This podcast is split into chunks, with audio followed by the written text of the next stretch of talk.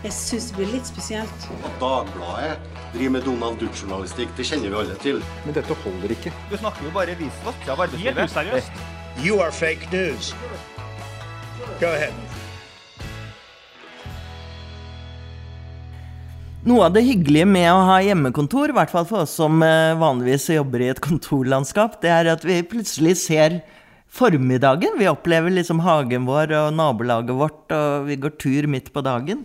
Og jeg har tilbrakt de siste ukene med å redde humler som har forvillet seg inn i huset mitt. De elsker huset mitt av en eller annen grunn. Eller kanskje det er den samme humlen som gjør det om og om igjen fordi han vil bli reddet.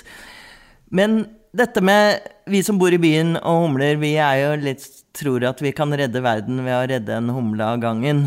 Og det er jo ikke helt tilfellet. Det med, med insektdød og naturtap er litt uh, mer alvorlig og krever litt større innsats enn det. Eller hva? Christian Steele, du er generalsekretær i miljøorganisasjonen Sabima.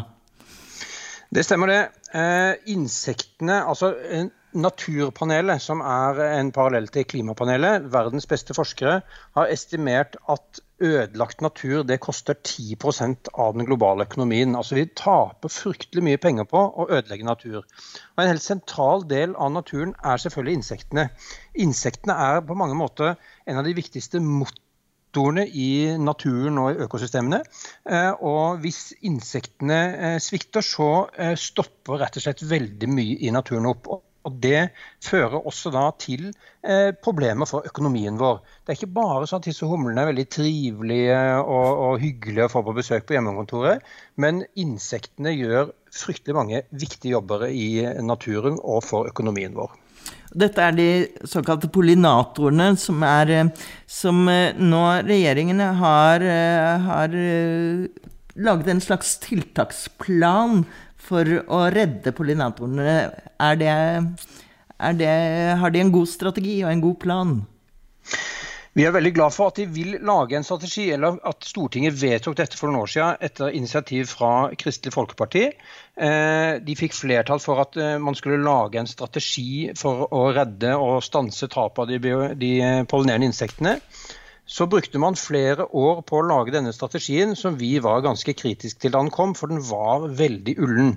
Eh, den, den sier en del bra ting om at insektene er viktige osv., men, men eh, selve strategiens eh, innhold var veldig svevende. Det var åtte åtte ministre som undertegna, eh, og vi hadde forventa oss mer av den. Men så sa da politikerne at ja, men vent, nå, nå skal det lages en handlingsplan, som, eh, eller en tiltaksplan, som direktoratene skal lage. Så gikk det enda noen år med utredninger, og så kom det altså da en tiltaksplan som nå er sendt over fra Miljødirektoratet til eh, Klima- og miljødepartementet, som er akkurat like luftig og svevende. Så vi er rett og slett ganske skuffa over at man ikke har klart å, å, gripe tak i dette på en mer håndfast måte, rett og slett. Og dette haster. Hvorfor gjør det det? Hva, er det som, eh, nå, eh, hva slags utvikling er det vi er vitne til nå? Altså, eh, Veldig mange insekter står på rødlista. Eh, eh, det er eh, allerede tolv forskjellige villbiearter som er utrydda fra Norge. Eh, og en tredjedel av, av biene står på eh, rødlista, altså insekter som holder på å forsvinne fra naturen vår. Og Det samme gjelder også mange andre typer insekter enn de pollinerende. Eh, insekter som lever i skog osv., som også gjør veldig mange viktige jobber ute i naturen vår. holder på å forsvinne. Vi har sett studier fra Tyskland hvor, hvor store mengder av insektene er blitt borte. Og vi har også fått studier som, som, viser, som har sett på dette med, med insekter som treffer frontrutene på bilene. Eh, hvor man ser at eh, det er mye mindre enn før. Dette er jo dårlig nytt for da. Men det er verre nyheter for oss, altså. For dette, dette, tyder på at veldig mye insekter er borte fra landskapet. Det er en sånn... Hal halvparten av, av, av, fuglelivet i Europa er blitt borte de siste 20-30 år. Og veldig mange fugler lever av insekter. Så det er jo også en indikator på hva som faktisk skjer. Det med frontruten er en litt sånn enkel test for alle kan, som er, i hvert fall som er på min alder og sånn. Husker i barndommen så var det fullt av insekter etter en kjøretur på frontruten, og nå kan du ikke se det i det hele tatt, så det illustrerer litt dette dramaet. Men hva er det vi kan gjøre Eh, altså, som jeg sa innledningsvis, det er ikke eh, Du redder kanskje ikke insektene ved å lage en eh, humlekorridor på Tøyen? Nei, altså vi, vi, mener jo da til, til forskjell fra det som, som, er skrevet inn i tiltaksplanen som, som, kommer fra direktoratene, som vi er ganske skuffet over. Og det er jo for så vidt oppsiktsvekkende å se også at Miljødirektoratet skriver sjøl i, i innledning til tiltaksplanen at det er Eh, runde formuleringer, eh, lite ambisiøst og forpliktende. Eh, de har fått et uklart mandat, og de er veldig usikre på om denne strategien kommer til å virke. Og Det er sannelig meg ganske uvanlig at et direktorat sjøl sier at her kommer vi med en plan som vi regner med ikke kommer til å virke. Eh, men, men, dette skyldes jo ikke at ikke vi vet hva vi skal gjøre. Dette skyldes at eh, mange sektorer er uvillige til å gjøre endringer i sin forvaltning. Eh, det gjelder f.eks. landbrukssektoren. Vi må, vi må, endre måten vi driver landbruk på. Vi skal selvfølgelig fortsette å produsere mat, men det er viktig å ta vare på de små arealene i jordbrukslandskapet vårt hvor det er mye blomster f.eks. Vi må også ha beitemarker og, og slåtteenger som ikke vil gjødsle, for det er da det blir mest eh, mangfold av markblomster og, og måte, eh, som er viktig for insektene. Eh, så, vi, så, vi, trenger et, et, variert landbruk i hele landet som også tar vare på disse arealene. Det gjelder også måten vi driver skogbruk på f.eks. Selvfølgelig skal vi fortsette med skogbruk, men vi må ta vare på de livsmiljøene i skogen med, med gamle trær, med død ved osv. som er veldig viktige for insektlivet. Vi snakker jo nå i disse dager mye om eh, matsikkerhet og beredskap. Eh, dette, dette er en viktig del av det? Helt opplagt. altså insektene, eh, De pollinerende insektene da, de er en viktig del av matproduksjonen vår. Det er klart at det som virkelig utgjør volumet av maten, korn og poteter og, og, og mais og ris, det er vindbestøvet, så der er ikke pollinatorene så viktig. Men, men eh, veldig mye av den varierte kosten vår, den er vi avhengig av insektene for. Frukt og bær eh, og, og nøtter og det blir ikke noe marsipan for eksempel, uten insektene, for det, det, de pollinerer mandelblomstene. Eh, Jon Almås skulle lage taco i, i Praktisk info. Og Da lagde de en versjon med insekter og en versjon uten. Og Den tacoen uten insekter den var bare litt ost, litt kjøttdeig og mais. Så alt det andre, liksom godsakene i tacoen ble borte. Så, så, mye av den varierte, sunne delen av, av, kosten vår som vi er vant til, den er, helt, eh, er vi helt avhengig av insektene for å få. Men vi har jo liksom inntrykk av at eh, landbruket er litt, uh, rører litt på seg, og at det er mer økologisk jordbruk. At, eh, at, det er en liten endring? Eller er det bare et sånn inntrykk igjen vi sitter igjen med her inne fra Oslo? Ja, så Vi har jo en god del eh, dialog med landbruket, og vi opplever at det er en vilje og en interesse der for å, å gjøre noe med dette. Eh, både det, det, med økologisk landbruk, men også i det hele tatt hvordan arealene drives. Eh, og også dette med å ha et mangfoldig landbruk med både store og små bruk og i hele landet. Dette er jo noe som landbruket er opptatt av. Eh, men det trengs nok fortsatt skolering eh, i, i hvordan man tar vare på insektrike arealer. Hvordan man, man, man, også tar vare på disse ekstensive stedene, altså som, som er lite intensivt drevet. Og så trenger vi en landbrukspolitikk som, som sikrer dette her. Vi kan ikke forvente at bøndene skal eh, gjøre denne jobben på hobbybasis. Eh, bonden vil ha en inntekt som alle oss andre. Eh, og Da må vi legge opp landbrukspolitikken sånn Eh, at, at, det blir lønnsomt å også drive med de, de arealene som, som, kanskje produserer litt mindre. Så vi må tenke lønnsomhet i et mye bredere perspektiv enn bare akkurat hvor mange kilo kjøtt eller korn som blir produsert på det arealet. Men apropos økonomi, altså hvis det er så eh, viktig som du snakker om her, og så alvorlig utvikling i de senere årene, da Kaster vel regjeringen noen penger etter disse, disse problemene? Nei, dessverre. Altså Det som eh, ble sagt i både da strategien ble lagt frem av, av statsrådene eh, for et par år siden, eh, og når handlingsplanen kommer nå, så sier de at dette skal vi gjøre noe med, med litt små tiltak her og der, men det skal ikke koste noe mer. Og Det syns vi er eh, helt høl i huet, rett og slett. Eh, hvis man, eh, Den daværende statsråden for miljø, Vidar Helgesen fra Høyre, han var innkalt i Stortingets spørretime angående insekter. og Han sa at dette dreier seg om et sikkerhetsspørsmål. Eh, så, så, man sier altså at dette er alvorlig og dette er viktig, men så bruker man ingen penger. De sier i strategien at vi, vi trenger ingen ekstra penger. Eh, og jeg vil tro at hvis man hadde et annet sikkerhetsspørsmål, om det var noe innen forsvar eller pandemier eller andre helsetema, så ville man naturligvis bevilget penger til det. Eh, og Det bør man også gjøre her. Dette dreier seg om naturkapitalen vår, fundamentet for velferd og helse og veldig mange viktige goder fra naturen. Da må man bruke penger. Sånn som de gjør i Sverige f.eks. Der har man bevilget 80 millioner kroner til dette. Eh, Tyskland har bevilget over 100 millioner euro til dette i året for å snu disse trendene. Så i andre land tar man dette på alvor på en helt annen måte. Og I disse dager så er det kanskje en kraftig påminnelse om at vi ikke må vente til katastrofen inntreffer. Helt opplagt. Eh, det, det, det, kan jo se ut som det er vanskelig for oss å, å, å ta inn over varslede krise. Eh, men, men, denne krisen er varsla veldig grundig og godt. Eh, politikerne sier det også selv. Altså En av de som foreslo dette, dette tiltaket på Stortinget, altså lage en handlingsplan for de pollinerende insektene, var Olaug Bollestad fra KrF som nå er landbruks- og matminister. Nå sitter hun på mye av nøkkelen til dette her. Men direktoratet hennes, Landbruksdirektoratet, har altså sagt at nei, vi trenger egentlig ikke gjøre noe særlig. Vi syns vi er ganske fornøyd med landbrukspolitikken vår, og vi kommer ikke til å bevilge noe ekstra penger til å satse på dette. Eh, og Det mener jeg er da en, en, ganske tafatt og hjelpeløs holdning, når vi ser at nettopp den politikken vi har, de virkemidlene vi bruker nå, de har altså ikke løst problemet. De har ført tvert imot til det problemet vi står i. Landbruksminister Bollestad, hør på forslagsstiller Bollestad her, altså. Det er den klare oppfordringen. Eh, jeg innledet med å, å kokettere litt med at jeg reddet en humle av gangen, og trodde dermed at jeg reddet verden. Men, men det er bra at vi eh, vanlige mennesker også hjelper til litt, eller? Absolutt. Eh, eh, dette dreier seg om summen av veldig mange ting. Nå nevnte jeg landbrukssektoren, men vi har selvfølgelig også samferdselssektoren. For hvordan vi skjøtter veikantene våre er viktig. Og det at folk følger med på, på veikantene, at det blir slått til riktig tid f.eks. Så vi har en rik eh, blomsterflora i veikantene.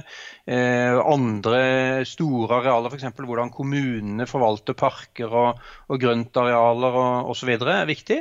Og også hva folk gjør i hagene sine. Altså Insektene er jo avhengig av måte, et mangfold av blomster eh, gjennom hele året. Eh, og i det hele tatt et mangfold av, livsmiljøer. De trenger død ved, de trenger vann eh, osv. Eh, det finnes jo enormt mange forskjellige insekter med veldig forskjellig økologi.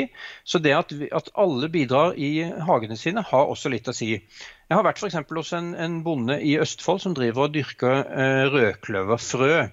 Eh, fordi Rødkløver er jo en viktig innsatsfaktor i landbruket. Man, man har gjerne et omløp med kløver for å, å, å få jordforbedring, og kløver er viktig for å produsere fôr til, til husdyr f.eks. Men for at du skal kunne eh, ha eh, en åker med kløver, da, så må jo faktisk noen produsere frøene. Og Det skjer da hos egne produsenter, og da er humlene helt avgjørende.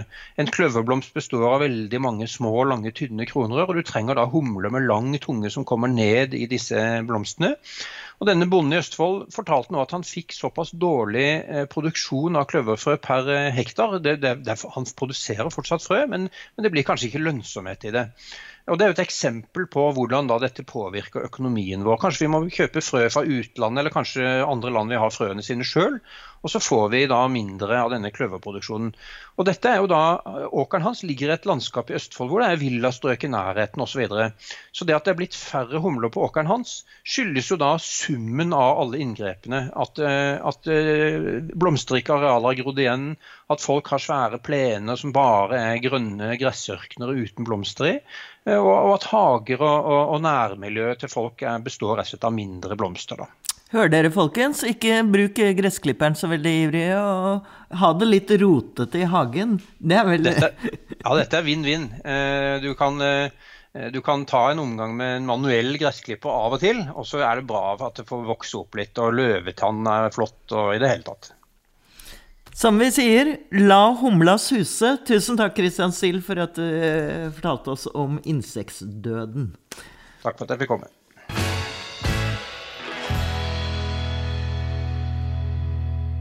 I dag er det faktisk 1. mai, men det blir jo naturligvis ikke noe tradisjonelle tog i gatene. Det blir ikke noe eh, møte på Jungstorget under fanene, samlet under fanene. Men vi kan jo feire 1. mai på, på, vår egen måte. Og her hvor jeg bor, på Kampen, så er vi jo vant til at eh, det er eh, full hornmusikk fra tidlig morgen til sent på kveld på en sånn dag. Og så på Facebook-gruppen Kampen så fikk vi et hyggelig eh, tilbud her forleden. Og det var Oslo Janitsjar Orkester som sa at de kunne komme og spille i bakgården vår.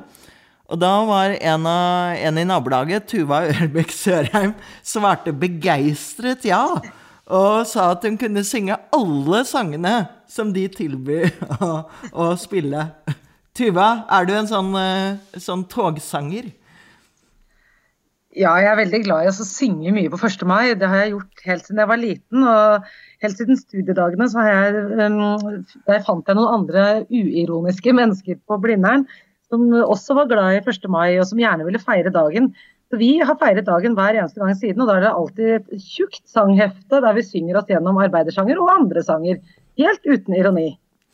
Men eh, altså, de eh, tilbød å spille Internasjonalen. Seieren følger våre faner og frihetens forpost. Internasjonalen skal jo alle visstnok synge eh, på nettet klokken, eh, klokken ett eh, i dag. Så det får vi håpe at noen, eh, noen følger opp. Men hvilke av disse sangene er dine favoritter? Jeg liker alle sammen, selvfølgelig. Men, men det er vel internasjonalene jeg kan utenat, kan du si. Og så skulle jeg gjerne hatt med mm, De unge slekter. Den savnet jeg litt. Og så tenkte jeg også litt på den italienske Avanti Popolo. Kunne også vært. Altså, det finnes mange gode allsanger til 1. mai.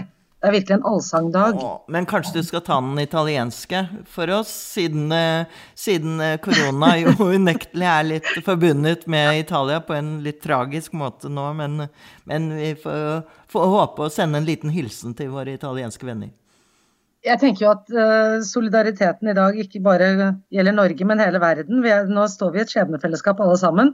Men, men stakkars lytterne som må høre meg synge. Jeg, jeg kan ta noen, noen få strofer. Avanti popolo, alla riscossa, bandiera rossa, baniera rossa. Avanti popolo, alla riscossa, bandiera rossa, triumfera. Ja, den fortsetter altså. Nydelig, Tuva! Jeg syns jo alt høres jo vakkert ut på italiensk, men jeg syns du du undervurderer stemmen din. Dette er sånn det skal høres ut på 1. mai. Men, det er den røde fanen som skal triumfere, det er det vi synger om, da. Mm. Men hvordan tror du at, eh, at 1. mai kommer til å bety noe annet når, når, er, når verden står midt i en krise? Og, og som, eh, som, du påpekte, dette handler jo om det internasjonale, en internasjonal krise. Og vi ser vel kanskje at, at det internasjonale samarbeidet ikke er så veldig bra for tiden? Ja, jeg, jeg, har ofte tenkt når jeg har gått i 1. mai-tog i Oslo at, uh, at, det er veldig lokalt og lite internasjonalt. Er få internasjonale paroler. På den annen side så er jo 1. mai også en veldig sånn konkret dag, hvor man markerer veldig konkrete problemstillinger man står oppi på arbeidsplassen sin og i nærmiljøet. Og Det er noe fint ved det også, at man ikke bare går rundt og snakker om noe som er langt unna, som man ikke kan gjøre noe med. Men likevel skulle jeg sett at det var en, et større internasjonalt innslag i, i 1. mai-toget. Og også i år men jeg tenker at um, en sånn politisk kampdag, som, eller markeringsdag som 1. mai er, får et ekstra alvor over seg når uh, situasjonen er som den er. Og, det er litt sånn som det er med alle de politiske markeringsdagene vi har i Norge. Jeg tenker at Vi har tre. Vi har 8. mars, og vi har 1. mai og vi har 17. mai. Og vi markerer uh, likeverd og likestilling, og vi markerer um, like rettigheter og solidaritet på 1. mai, og demokratiet på 17. mai.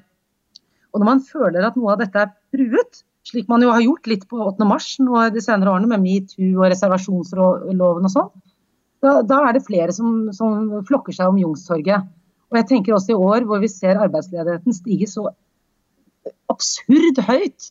Nå er det riktignok mange som skal gå tilbake til jobbene sine, men likevel så mange som sliter i arbeidslivet nå, så ville det normalt vært tett i tett i tett nede på, på Youngstorget. Men det er jo umulig, da. Og jeg tenker jo at uh, en av grunnene til at Norge ser ut til å klare seg relativt bra, er at vi er et uh, velfungerende og velorganisert uh, samfunn. Det er selvfølgelig skyldes at vi også har mye penger på bok. Men det handler også om dette mye omtalte nordiske modellen som funker i krisetider.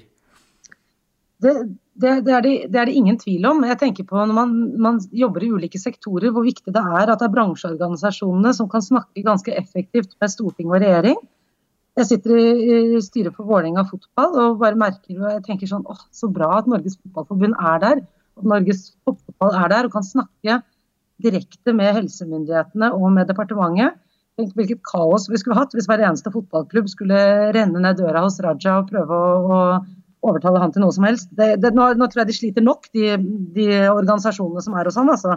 Men likevel så føler jeg en veldig sånn styrke i at man står sammen. Det tror jeg det er veldig mange som kjenner på i disse dager. Og LO har jo også fått sånn rekordinnmelding ikke sant, etter 12. mars. Mm. Og det som er spennende nå fremover, blir jo å se om dette, denne koronakrisen kommer til å forandre arbeidslivet også. Vi ser jo nå at veldig mange av de lavtlønte eh, utenlandske arbeidere har, har, reist hjem, og spørsmålet om de kommer tilbake. Ja, nå har jo også vi åpnet grensene for svært lavtlønte mm. Eh, arbeidere som skal komme inn og, og plukke jordbær i sommer. da. Den, det var noen som foreslo at, eh, at uh, jordbærplukkerne skulle få anstendig lønn. Det var jo et oppsiktsvekkende forslag. det er et, et, krav jeg så avgjort syns vi skal støtte på en dag som denne. At folk som kommer til Norge skal få norske lønner og at vi skal ha et anstendig arbeidsliv i Norge også for folk som kommer hit. Og det er en av hovedparolene også, at man uh, Kritikk av bemanningsbyråene og, og, sosial dumping, selvfølgelig. Men Tuva, uh, mange kjenner deg jo egentlig som bokperson. Du er sjefredaktør i Kagge forlag. Og bokbransjen Det er jo ikke helt uh, en vanlig vår for dere heller. Altså, om noen dager så skulle du vel vært på Lillehammer, som er store, en av de store festukene. Lillehammer litteraturfestivalen der. Den blir selvfølgelig ikke noe av. Og bokhøsten, blir den også digital? Vi planlegger med 18 forskjellige scenarioer, som, som, sikkert alle andre også gjør nå. Det er jo utrolig leit å gå glipp av uh, litteraturfestivalen på Lillehammer. Men nå så jeg at de gikk inn i et samarbeid med NRK, hvor NRK skal sende i stedet. Og det var jo veldig flott, for NRK har ikke nødvendigvis sendt så mye uh, litteratur de senere årene. Så kanskje det kommer noe godt ut av det der også. Men vi, har, vi har, forsøkt å lansere noen bøker nå under korona. Det har ikke vært så enkelt. For I pressen så skriver man stort sett om én ting, kun avbrutt av Tangen og Hagen, men ellers har det bare vært korona. Så det har ikke vært så lett å nå ut med nye titler. Men folk er jo mye hjemme. De har tid til å lese, så det må være det positive her. men, men leser de? Ja da. Altså, jeg, jeg, blir litt sånn De burde lest mer, selvfølgelig. Fordi det er jo veldig mange som ser TV-serier. Uh, og, og, særlig de første ukene så var det mange som sa at de var veldig urolige og ikke klarte å lese noe annet enn uh, nyheter og bare satt og scrolla på koronanytt hele tiden. Men jeg tror at folk begynner å, å, samle konsentrasjonen litt mer nå. Og at jeg tror at sommeren nå i år kommer til å bli en kjempebra lesetid. Mm. Har du noen favoritter i din uh, bokhøst? Altså, jeg har akkurat sittet og jobbet meg gjennom et manus av Sven Egil Omdal, hvor han skriver norgeshistorien sett fra Stavanger. Og det er bare beste manuset jeg har lest på år og dag. Det er ikke, det er ikke én dårlig setning i det manuset. Så det, Da satt jeg ute i hagen og det var 20 grader. Jeg tenkte tuller noen med meg, eller er dette jobb? Det var jo bare kos. Så det var uh, velfortjent skryt der. Stavanger er selvfølgelig sentral i norgeshistorien. Blir det mye om oljen der? Det blir en del om oljen, men først skal vi gjennom mye indremisjon og avholds- og industriutvikling, hermetikk og mye snask. Det er veldig gøy. Det er bra. Men eh, apropos digital, er eh, den, eh, denne lenge etterlyste e-boken e som nordmenn ikke helt har omfavnet, har de gjort det nå i koronas tid? Har ikke omfavnet det, men det er en veldig stor vekst. Er, eh, bokhandlerkjeden Ark hadde en sånn eh, kampanje hvor de da så 80% vekst. Men da er det fra et ganske lavt utgangspunkt. Jeg, mitt klare inntrykk er at nordmenn fortsatt fortsatt foretrekker papirboka. Men det er klart at i disse tider hvor statsministeren sa at man ikke skulle gå inn i kjøpesenteret, så var det jo bedre å handle på Kindle da enn å ikke gjøre noe som helst. Ja, fordi bokhandlene er selvfølgelig fremdeles oppe, men, eh, men, folk er kanskje redde for å gå dit uh, litt, holder avstand. Det de sier er at det er færre som går i butikk, men de som kommer der, de vet hva de skal ha, de kjøper mer. Ja. Men det ser vi jo overalt. Jeg er jo på kontor i sentrum, det er jo ikke et menneske her. Det er tomt.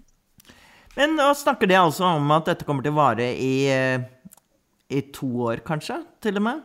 Uh, tror du det kommer til å endre liksom eh, bokbransjen ja, nok en gang, får jeg vel kanskje si?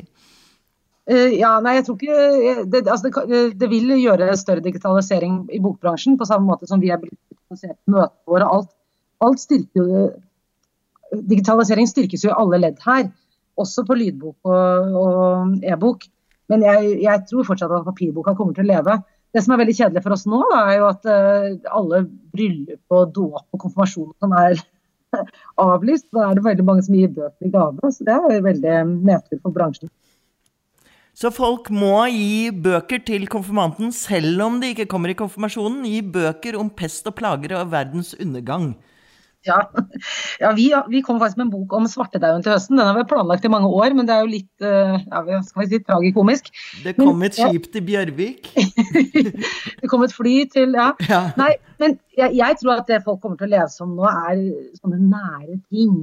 Sylting og safting og planting i hagen og strikking og sying og sånn. Det syns jeg ser en liten tendens til. Fugler og ja, sånt. Ja, men Det er bra. Insektene i hagen. Jeg redder humler så godt jeg kan i disse dager.